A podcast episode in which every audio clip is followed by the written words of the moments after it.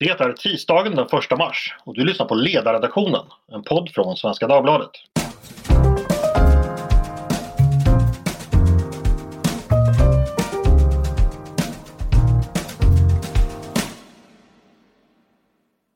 Varmt välkomna! Jag heter Andreas Eriksson. Det ryska anfallskriget mot Ukraina har nu pågått i fem dygn. Fortfarande mycket oklart, men det vi vet är att Ukraina fortfarande kämpar emot och att antalet civila offer växer. I dagens podd ska vi fokusera på flyktingsituationen. Över en halv miljon människor ska redan ha flytt Ukraina samtidigt som ytterligare många tusen förstås är på flykt inom landet. Vad händer med dessa människor? Hur ska de komma, kunna komma i säkerhet och hur kan omvärlden och Sverige hjälpa dem? Det ska vi prata om idag och med mig för att göra det har jag två gäster. Eh, Martin Ernlöf som är generalsekreterare för Svenska Röda Korset. Välkommen hit Martin! Tack för det! Och Magnus Önnestig som är avdelningschef på Migrationsverket. Välkommen du också! Tack så mycket! Och du är också, berättade du precis, eh, chef för den särskilda händelse angående, eller hur, hur, hur löd den formella titeln där? Ja, sen i förra veckan så har vi valt att då använda oss den arbetsmetod som heter särskild händelse och eh, då leder jag den för generaldirektörens räkning. Just det. Eh, jag tänkte vi skulle börja med, med dig Martin Ernlöf och Röda Korset. Vad vet ni om flyktingsituationen hittills i och runt Ukraina? Om vi börjar bara ge en övergripande bild. Jag tror jag har en ganska bra bild eh, över eh, det som går att ha en bild över. Jag hade sent igår eftermiddag ett möte tillsammans med mina kollegor, alltså generalsekreterarna för Ukrainas, Polens, Rumäniens, Rysslands Eh, och Ungerns Röda Kors tillsammans med de regionala internationella eh, cheferna i, i Ukraina. Eh, och vi gick igenom hur det såg ut, hur, hur kösituationen ser ut för att komma ut ur Polen, hur flyktingarna har det där, vad som händer när man kommer över gränsen. Men så är det också förstås så att det är en stor osäkerhet inne i Ukraina och där det är en stor grupp människor, många individer som är i rörelse och inte bara en gång utan kanske två gånger, alltså att de redan har flytt från en, ett område till ett annat och sen känner sig osäkra igen. Så att mm, de siffror du pratar om, det är också de siffror som vi jobbar med. Att ungefär en halv miljon människor har nu lämnat Ukraina och eh, sen kan vi diskutera djupare sen hur många det skulle kunna komma att bli. Mm. Eh, jag tänkte, vad vet ni om vi går ner lite mer detaljerat på marken? Hur flyr man? Är det egen bil eller åker man, går det fortfarande tåg i Ukraina? Går det bussar? Eh, åt vilket håll går huvudsakligen flyktingströmmarna? Jag förstår att det är mycket osäkert, men går det att säga någonting om, om detta? Merparten går till Polen eh, och vill komma in på den polska sidan och det är också väldigt tydligt att eh, eh, flyktingarna generellt sett stannar inte i närområdet vid gränsen, alltså, vilket man ju annars kan se ibland i andra flyktingsituationer runt om i världen. Man flyttar sig snabbt eh, in i Polen och vidare in i Tyskland. Och det där är inte så konstigt tänker jag, alltså att de i Eh, lägger samman det jag säger med de mediabilder vi alla kan ta del av så är det ju ofta splittrade familjer som flyr. Eh, kvinnor och barn medan männen är kvar i, i Ukraina. Då flyr man ju förstås helst till någon som man är bekant med eller som man har någon connection till eller känner, känner sig trygg med på olika sätt och vis. Och, och det är en stor diaspora av ukrainare i Polen och i Tyskland och då blir det den naturliga första eh, angöringspunkten som man söker sig till. Mm. Och, och, min fråga det här om man åker enskilt i bil eller om man åker kollektivtrafik, vet ni någonting om hur det ser ut? Vilka transportmedel som fortfarande fungerar och är säkra? Alltså jag har ingen objektiv tydlig bild av det. Min bild, och det får vara en personlig eh, sammanvägning, då, är att det är en mix av olika saker. Alltså folk tar sig på olika sätt och vis. Det har varit tåg, det har varit bussar, det har varit bilar som har gått sönder och sen så har man plockat upp någon annan. Det finns folk som har gått långa sträckor också på slutet. Så jag, det, jag har inte en, jag kan inte ge en tydligare bild än så. Och när man väl då kommer fram till den polska gränsen, eh, vad sker då med dessa människor? Får de komma in direkt eller måste det köas? Eller vad, vad, hur, hur ser proceduren ut så att säga?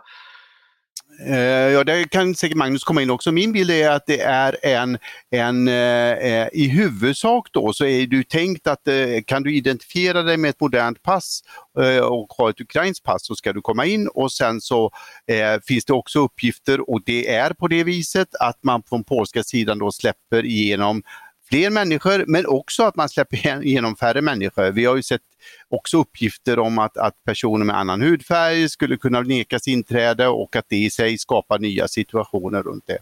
Eh, men, men eh, eh, det har det är långa köer, man behöver kunna visa upp vem man är, men sen är det inga formella processer i övrigt runt det. Jag går över till dig Magnus Understig från Migrationsverket. Eh, vad, i er bild på Migrationsverket, vad har ni för bild om situationen i, i, stort? Kan du komplettera någonting av det som Martin har berättat? Nej, men den är väldigt överensstämmande med det vi har Martin berättat om. De siffrorna är ungefär de vi har. Vi ser både från media och kanske från andra källor att i västra delen av Ukraina så är det inte så mycket så säga, strider på marken utan det går att fly utan det är snarare inställda tåg, trafikköer och sånt som kanske är ett större problem eh, i de västra delarna av landet. När man kommer till Polen så uppfattar vi på samma sätt att har du, vi måste komma ihåg att eh, Ukraina kan resa viseringsfritt både till Polen och till Sverige. Det finns inga sådana mm. krav eller hinder i det här. Det, måste, det är en ganska viktig faktor. Eh, sen uppfattar vi att när de kommer till Polen så kan man visa vad man är men man får också typ en fråga. Klarar ni er själv och tar er vidare? Och då hörde jag någon siffra igår från Polen att ungefär 90% säger bara ja visst det är lugnt, vi tar oss vidare, vi har en släkting i Krakow eller var det nu är någonstans. Mm. Och ungefär 10% vill ha någon form av hjälp. Det kan vara alltså enkelt att man bara vill ha något att äta eller någon, kanske någonstans att komma in och värma sig eller att man behöver hjälp med transporter. Det har vi ingen riktig koll på men att ungefär 10% liksom får någon form av så att säga, eh, mer aktiv hjälp då från eh, polska staten. Och sen är också precis som Martin säger, vi att man man sprider ut sig eh, runt omkring i Polen och vissa drar säkert vidare till något annat land men man stannar inte i, i, i gränszonen på, på det sättet. En siffra jag har hört är att det bor ju någonstans upp till två miljoner ukrainare i Polen eh, in, sedan innan konflikten. Så att det finns en väldigt stor diaspora och det känner vi från tidigare konflikter att man söker sig gärna till landsmän eller helst släktingar men även om man inte har det så åtminstone de får samma nationalitet. Så det finns nog väldigt stor dragningskraft inne i Polen. Mm. Ytterligare fråga till dig Magnus. Eh, hur arbetar ni på Migrationsverket med underrättelser från, från situationen? Jag förstår att ni har förstås tillgång till media som alla andra men, men vad, vad är det för övriga källor ni använder för att skapa bra lägesbilder? Eh, ja, men, eh, dels i Polen och andra länder så har vi självklart samarbete med Utrikesdepartementet för att till exempel följa hur de politiska uttalanden och sånt är i de olika länderna. Eh, vi har samarbete vi kan vända oss till det polska migrationsverket, till det tyska migrationsverket. Sen har vi eh, e EUs organisationer, Frontex som ju är gränsövervakningsmyndigheten men också EUAA som är EUs asylmyndighet. Vi försöker liksom prata med dem vi behöver och eh, här på hemmaplan så är ju självklart gränspolisen en viktig samarbetsfaktor för ett eh, partner. Och de har ju i sin tur samarbete med gränspolisen i Polen eller Tyskland eller vad det må vara. Så att vi använder många kanaler. Och självklart så läser vi ju media och sånt också då men eh, det är väl andra migrations gränskontrollmyndigheter som vi på olika sätt arbetar med. Fråga, finns det något utbyte mellan era två sektorer, alltså den statliga och den ideella sektorn när det gäller eh, informationsutbyte? Ja, så är det. Eh, vi, vi eh, Röda Korset och Migrationsverket har ett, ett ömsesidigt samverkansavtal kan man säga som, som löper eh, året runt men som vi också aktiverar i speciella delar. Eh, och det kan gälla de här situationerna där vi delar lägesbilder men det kan också gälla andra situationer som säkerhetsbilder i olika länder och, och där myndigheten då eh, kompletterar sin bedömning med våran bedömning och, och vice versa förstås. Det är inte alltid vi delar synen på på till exempel säkerhetsläget i ett visst land. Eh, men, men, vi har en öppen och rak och bra och konstruktiv dialog med myndigheten på Röda Korsets sida. Nej, men, och jag kan inte annat att instämma att vi har ett, eh, ett välgrundat samarbete med Röda Korset sedan många år tillbaka om olika frågor. Eh, men vi samarbetar också självklart med, med andra eh, så att säga, liknande civila aktörer. Martin, en fråga till dig. Nu beskrev ju Magnus läget vid gränsen så att de flesta verkar inte, hittills i alla fall, behöva så mycket hjälp utan tar sig vidare. Vad vet ni från Röda Korsets sida om situationen just vid gränsen och den humanitära situationen där? Eh, behöver människor hjälp där eller behövs det några speciella insatser? Hur ser er bedömning ut? Ja, alltså om jag, de, de två eh, utgångsställen som, för, som, som idag är störst då, Polen är utan jämförelse störst då, där, där har polska Röda Korset satt upp ett, precis som Magnus beskriver, ett, ett eh, kortsiktigt övernattningscenter med upp till 500 bäddar ungefär och där man kan få eh, sova en natt eller två eller få lite hjälp eller så. Och sen ser vi ju i Polen, precis som vi ser i samhället i övrigt när det här händer, vi har, vi har, vi har en stor eh, mobilisering av medborgare medborgarstöd, alltså som inte nödvändigtvis behöver gå genom organisationer som FN eller Röda Korset utan organiseras via, via Facebook eller andra grupperingar med, med medborgare som kommer och, och hjälper till med att skjutsa folk och sådant. Allt det där löses ju inte via Röda Korset eh, tack och lov utan, utan löser sig också på andra bitar. Om man tar i Rumänien då, eh, där eh, är min bedömning att rumänska myndigheter har varit lite mer tagna på sängen då och inte riktigt eh, insett att det kan komma folk den vägen också.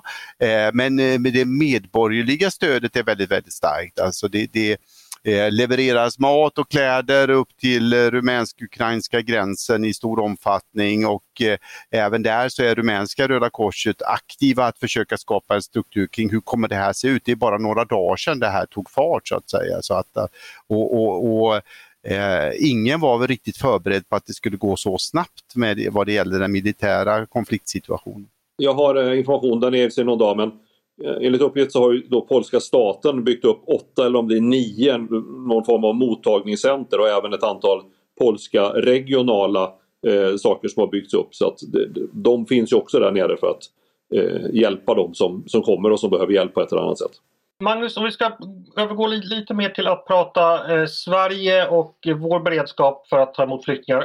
Har det överhuvudtaget dykt upp några asylsökande från, Ukraina, från kriget i Ukraina än i Sverige? Vad vet du om det? Nej men eh, det har det. Om jag får börja lite historiskt så förra året så var det någonstans mellan 500 och 600 ukrainare som sökte asyl här i Sverige ungefär. Två per dag. Mm. Och per vardag. Och i början på året, eller fram till i onsdags kan vi säga, så var det ungefär kanske tre per dag som dök upp i snitt här. Sen har det ju ökat. Eh, men det finns ju ett antal tusental eh, ukrainare i Sverige som kanske är här på arbetstillstånd eller studerandetillstånd eller bara som turister eller vill hälsa på vänner. De kan ju också helt plötsligt söka asyl. Så att vi har ju sett en ökning från eh, torsdags självklart. Men det är ju inte bara att det måste vara ukrainare som verkligen efter konflikten har lämnat Ukraina. Men vi ser ju både igår och idag att antalet som nu kommer med färjor och sånt, det, det ökar. Men det är långt ifrån alla som väljer att söka asyl. Eftersom att du kan ju komma hit som så att säga viseringsfri. Då kan man vara här i 90 dagar. Och har man då några vänner och sånt så finns det kanske ingen skäl att stressa och kasta in en asylansökan.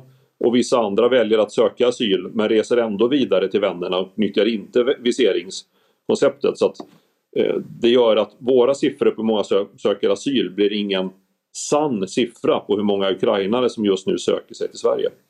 Jag förstår.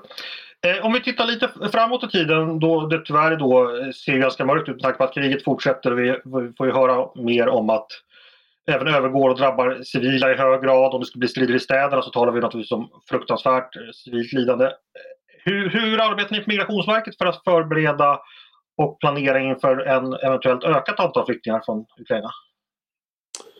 Vi har ju vårt mottagningssystem där vi har ett antal boendeplatser. Det har ju krympt och minskat oerhört eh, sedan 2015-2016 och vi har även minskat vår personalvolym på myndigheten. Den är nästan helt halverad sedan 2017.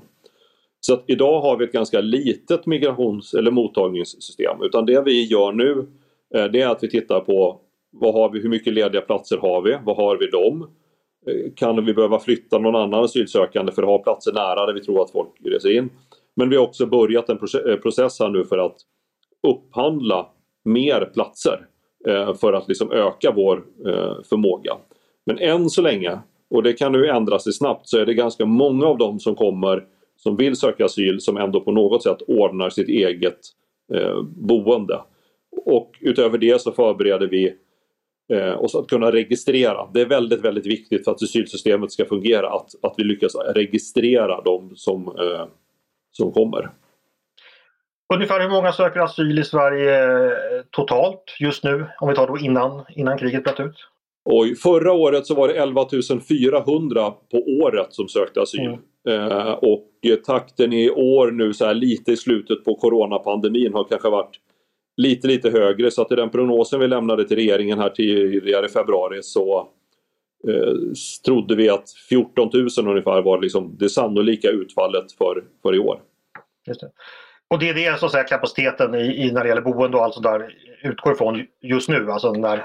Nej men ja just nu så har vi 1500 eh, tomma eh, sängplatser kanske. Mm. Eh, och sen så får vi titta och det var ju samma sak under hösten 2015 till exempel. Det kom väldigt många. Om ni frågade oss eh, en dag, är det fullt? Så var svaret ja. Och när ni frågade dagen efter, var det någon som inte fick plats? Så var svaret nej, alla fick plats. Men det är fortfarande fullt. För vi måste ju liksom upphandla efter, efterhand. Vi har inte ett uppdrag ifrån staten eller fått pengar för att ha 10 000 eller 20 000 eller en väldig massa utan vi har den kapaciteten som vi bedömer är då för att säga det, det förväntade inflödet och, och lite till. Men får vi en tydlig ökning som det ser ut nu då måste vi upphandla mer platser. Tillbaks till dig Martin. Jag vet att eh, Röda Korset är också verksamt eh, i Sverige då förstås. Eh, hur tänker ni och planerar inför att hjälpa eventuella ukrainska flyktingar som hamnar i Sverige? Jag svarar gärna på det. Låt mig bara snabbt studsa tillbaka till situationen då i Ukraina runt omkring där och gissningar och vad, vad som händer och sådär. Alltså våran bedömning är ju att, att uppemot 17-18 miljoner skulle kunna vara på flykt inom landet. Mm. Eh, mm. Om vi tittar på utifrån hur det ser ut nu. Och vi eh, i våra beräkningar, våra bedömningar tar de för vad det är, så att säga, tror på en 5-6 miljoner flyktingar ut ur landet så att säga. Och det är så som vi tror att det blir nu. Om det sen skulle bli en en massivt eskalerad konfrontationskonflikt på många sätt så skulle det kunna ändra sig förstås. Ett snabbt eldupphör skulle kunna ändra det åt andra hållet men det känns ju inte så sannolikt just nu då. Eh, i Sverige så Röda Korset och, och flera andra civilsamhällesorganisationer är i samma läge, eller parallellt läge som, som Magnus beskriver att Migrationsverket är. Alltså att vi har vässat upp eh, våra, eh, våra nivåer och eh, planerar och förbereder.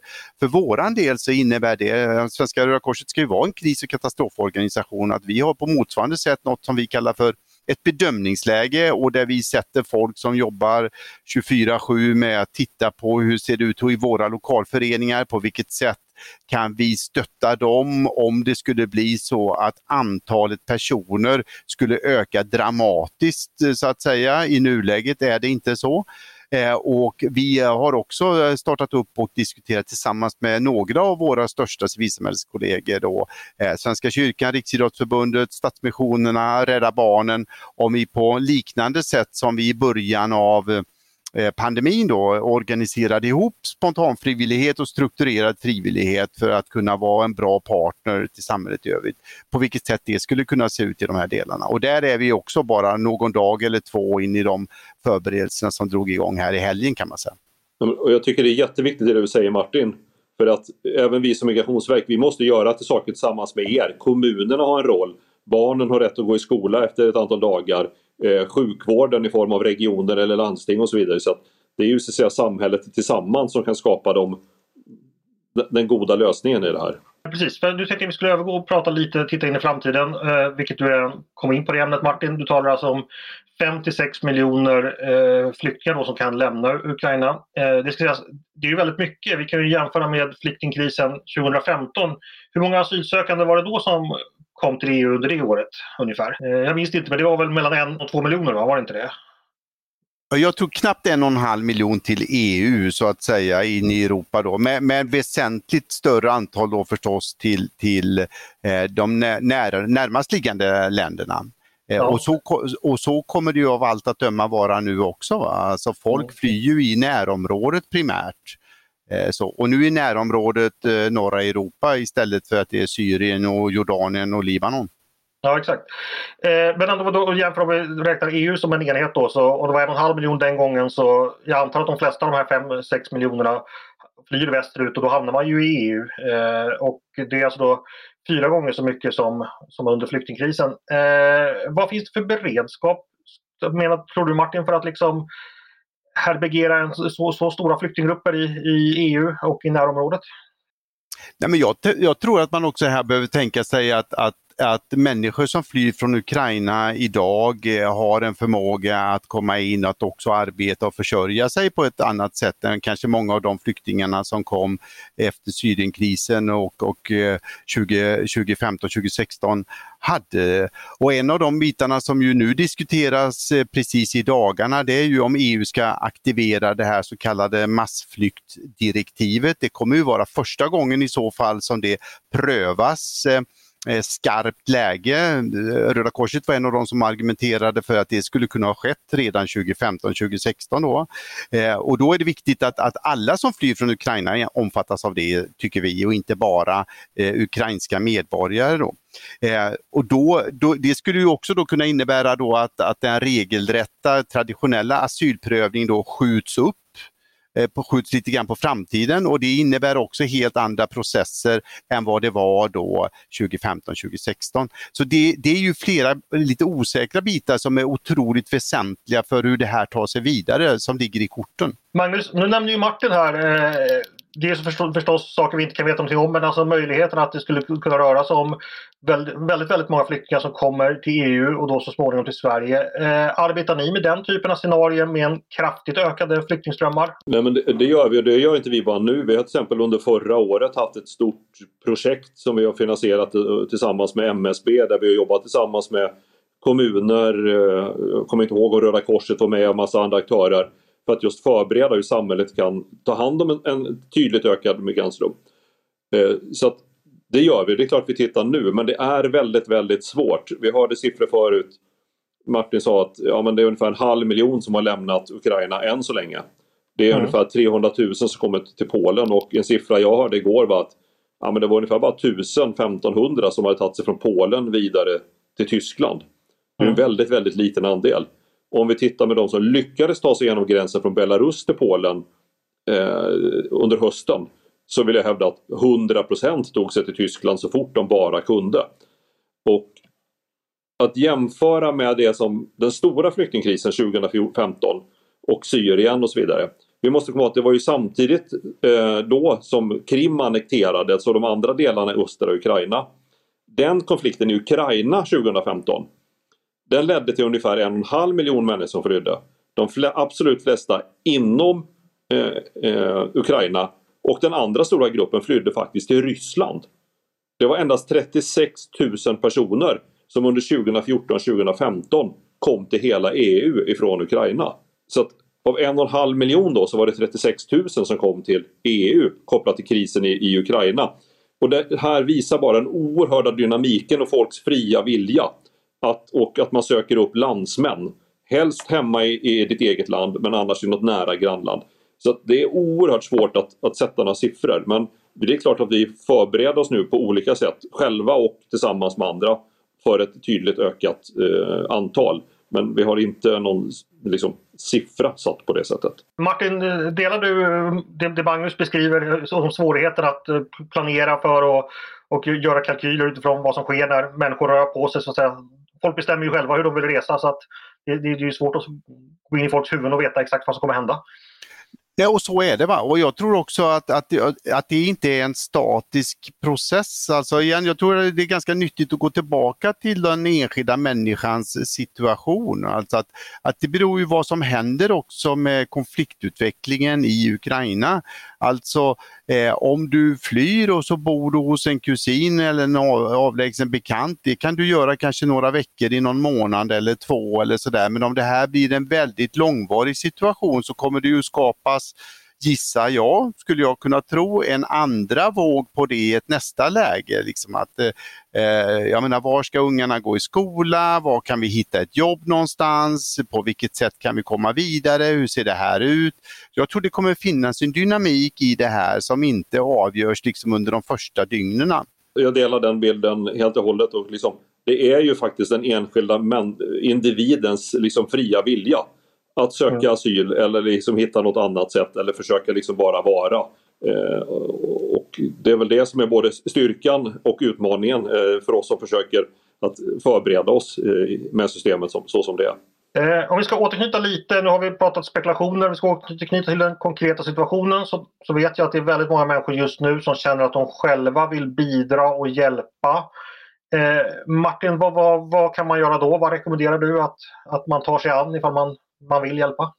vi alla vill ju hjälpa och det är ju en, en, en stark, stark, stark humanitär signal och stark solidaritetsaktion som är i Sverige idag. Alltså vi ser ju svenskarna bidra med pengar och energi och stöd på ett sätt som eh, vi inte har sett på, på faktiskt två decennier i Svenska Röda Korset, i alla fall om vi säger så. Vi ligger på ett tsunami-liknande nivåer vad det gäller insamling och mänskligt engagemang för den här situationen.